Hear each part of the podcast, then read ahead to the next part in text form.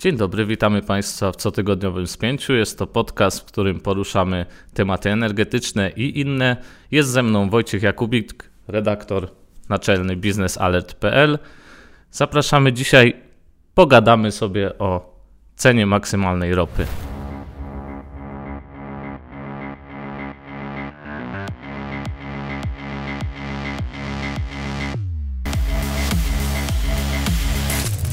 Wojtku, więc na początek cena maksymalna ropy. O co w tym chodzi tak naprawdę? Ropa jest droga i wszyscy czujemy to na stacjach paliw w Polsce, w Europie i na świecie, ponieważ rekordowe ceny ropy pojawiły się w wakacje y, w szczycie y, ataków Rosji na Ukrainę, po tym jak Rosjanie zaatakowali w lutym, y, mieliśmy coraz wyższą cenę baryłki i zaczęła ona spadać tuż po wakacjach, ze względu na to, że kryzys energetyczny podsycany przez Rosję zaczął e, powodować recesję, a kryzys gospodarczy to spadek popytu na ropę, na paliwa, a zatem też spadek ceny baryłki. E, mówię o tym dlatego, ponieważ handel ropą to główne źródło przychodów budżetu rosyjskiego. No i Rosja jest z tego powodu karana sankcjami w sektorze naftowym jeszcze od czasu nielegalnej aneksji Krymu w 2014 roku. Pojawiały się kolejne różne sankcje, które ograniczały przychody Rosjan. Jeżeli budżet rosyjski w połowie jest zaopatrywany ze sprzedaży węglowodorów, czyli gazu, ropy i innych rzeczy, to e, sprzedaż ropy stanowi tutaj co najmniej 1 trzecią przychodów i wraz z rekordową ceną ropy ten udział rósł. Rosjanie, mówiąc w skrócie, zarabiali coraz więcej na kryzysie, który sami wywoły, wywoływali i wywołują nadal. Z tego względu ważne było, aby pozbawić ich tych przychodów, dlatego też z Ukrainy płynęły apele o to, aby wprowadzić embargo na dostawy ropy rosyjskiej. No i na to nie ma klimatu w Europie, szczególnie na Węgrzech. Wiktora Orbana, którego pozdrawiamy, konia trojańskiego Kremla. On był przeciw, on się cieszy z tego, że jest dużo ropy rosyjskiej, która y, pozwala mu e, zaoferować niższe ceny na stacjach paliw. Wolał wprowadzić cenę e, na sztywno u siebie niż wprowadzić na przykład to embargo i generalnie w Unii Europejskiej nie było konsensusu, żeby wprowadzić zakaz importu ropy rosyjskiej w ogóle. Zostało wprowadzone embargo morskie, które nie obejmuje dostaw lądowych np. do Czech, Słowacji czy Węgier, które sygnalizowały, że nie są gotowe. Węgry mówią, że w ogóle nie chcą, ale już Polska i Niemcy, które drogą lądową przez ropociąg Przyjaźń, przez jego północną nitkę odbierają tę ropę, powiedziały, że do końca roku porzucą ropę rosyjską. I tutaj pojawia się właśnie pomysł ceny maksymalnej, który został omówiony przez USA, przez kraje G7, czyli Francję, Niemcy, Wielką Brytanię, Japonię. Dodatkowo oprócz krajów G7 mamy też Australię i Unię Europejską właśnie. Te potęgi porozumiały się co do tego, żeby w końcu wprowadzić cenę maksymalną ropy. Założenie jest takie, że jeżeli ropa ma dalej płynąć, boimy się odciąć całkowicie od ropy rosyjskiej, nie jesteśmy gotowi, nie chcemy dodatkowego uderzenia w gospodarkę w dobie kryzysu energetycznego i gospodarczego, to przynajmniej możemy ograniczyć przychody Kremla z tego tytułu. Cena maksymalna ropy zakłada, że baryłka z Rosji ma kosztować maksymalnie 60 dolarów, inaczej nie dotrze na rynek, ponieważ wejdą sankcje na ubezpieczenie, na fracht, które nie pozwolą korzystać z pomocy firm, np. z Grecji czy z Cypru, przy dostawach takiego towaru, a to są potęgi. To są teoretycznie małe kraje z olbrzymimi flotami handlowymi, które dostarczają takie ładunki jak ropa na cały świat. I to był też jeden z argumentów za ceną maksymalną, żeby tych państw nie pozbawiać pośrednictwa w dostawach ropy rosyjskiej, bo zaczęłyby na tym rosnąć firmy spoza Unii Europejskiej, spoza e, USA, które wyparłyby te greckie i cypryjskie i tyle by było z sankcji. No więc mamy tę cenę maksymalną. Ropa Urals, czyli ta mieszanka rosyjska, która jest oferowana na giełdzie, kosztowała w czasie wprowadzenia ceny maksymalnej powyżej 60 dolarów, a teraz będzie kosztować trochę mniej niż 60 dolarów, bo rynek już się spodziewa, że będzie na nią mniejszy popyt, właśnie przez tę cenę maksymalną.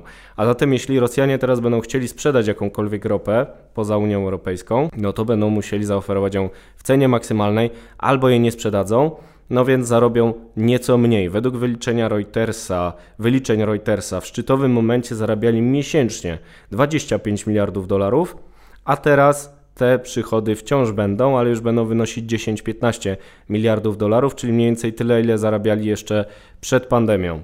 Czyli wrócą do normalnych przychodów, nie będą mieli tych nadmiarowych zysków z kryzysu, nie będą zarabiać na tym, że rozjeżdżając czołgami Ukrainę mają dodatkowe profity. No więc najlepiej z punktu widzenia Polski czy Ukrainy by było, żeby wprowadzić pełne embargo, ale tego na razie się nie da zrobić, nie ma chętnych do pełnego embargo na tyle, żeby przeforsować coś takiego, więc w zamian jest cena maksymalna. Powiedziałeś o tych nastrojach w Unii Europejskiej, różnych nastrojach. Czy istnieje jakiś sposób, a może plan, co przyniosą najbliższe miesiące, jeśli chodzi na przykład o przekonanie Węgrów do tego, aby byli zgodni z resztą Europy?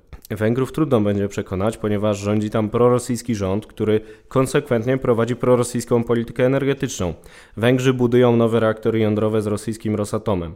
Węgrzy nie chcą sprowadzać ropy spoza Rosji, chociaż mają udziały w naftoporcie w Chorwacji. Czyli tak jak Polska mają dostęp do morza, wbrew temu co mówią, że nie mają mają własny naftoport, hello, więc mogą sobie ropę nierosyjską zaraz sprowadzić. Mało tego, byli mniej zależni od ropy rosyjskiej wiosną 2022 roku niż Polska, bo Polska sprowadzała 60% ropy sprowadzała z Rosji, a oni sprowadzali 50%, czyli już na starcie byli mniej zależni od ropy rosyjskiej niż my.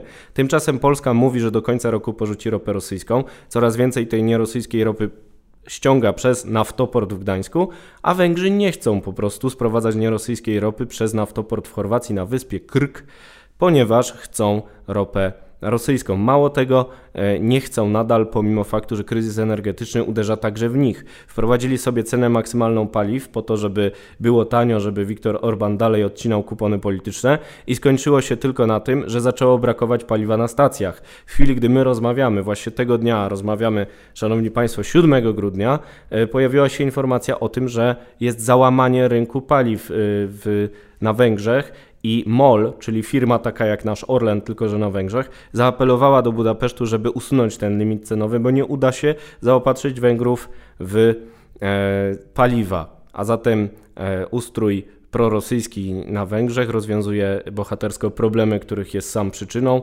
No i e, tak sobie e, poczyna w sektorze paliw, że zaczyna mu brakować tychże e, paliw przez jego prorosyjską e, politykę i być może uda się Węgrów przekonać. E, jest pomysł, żeby jakoś ich zaangażować w dywersyfikację dostaw ropy naftowej. Stoi otworem ten naftoport w Chorwacji. Tak samo w sektorze gazowym pojawia się nawet ciekawa, wręcz egzotyczna, jakby się wydawało do niedawna propozycja, żeby sprowadzać gaz do Węgier przez Słowenię z Algierii, czyli z Afryki Północnej.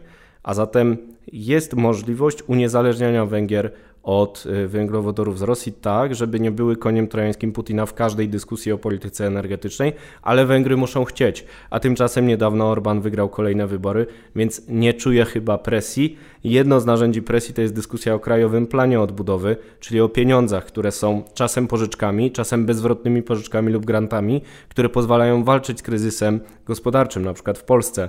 Być może dyskusja o KPO pozwoli przekonać Węgrów. Póki co wierzgają, szarżują, na przykład blokując pomoc dla Ukrainy, oczekując, że w zamian e, odblokują, ale dostaną pieniądze właśnie z KPO. Czyli Węgrzy niczym strażak, który podpala stodołę, a później ją gasi. Taki piroman. Piroman. Tak jest. Zdarzają się też strażacy piromani oczywiście. Zdarzają Na pewno, się. gdzieś tam są. Takie hobby z powołania. Może tak być ale oczywiście nie chcemy na ten temat spekulować. Natomiast y, jeszcze długa droga, żeby Węgrów wziąć na pokład, dlatego trudno mówić o embargo, unijnym przynajmniej. Na razie mamy przynajmniej Polskę i Niemcy. No i wygląda na to, że uda nam się uniezależnić od ropy rosyjskiej do końca roku, y, przynajmniej w Polsce i w Niemczech. I to dzięki współpracy tych krajów, która nie jest zbyt modna w polityce, ale jesteśmy na nią skazani. Trzymamy więc kciuki. Y, Wojtku, podziękujemy Państwu za dzisiejsze Podziękujemy. Spięcie. Zgadzam się. Dziękujemy Państwu bardzo. I za tydzień kolejne spięcie. I piszcie Państwo w komentarzach, co uważacie o tym temacie. E, być może jakiś kolejny temat chcecie poruszyć. Dajcie nam znać. Właśnie. Dziękujemy. Wojciech Jakubik i Jędrzej Stachura. Pozdrawiamy.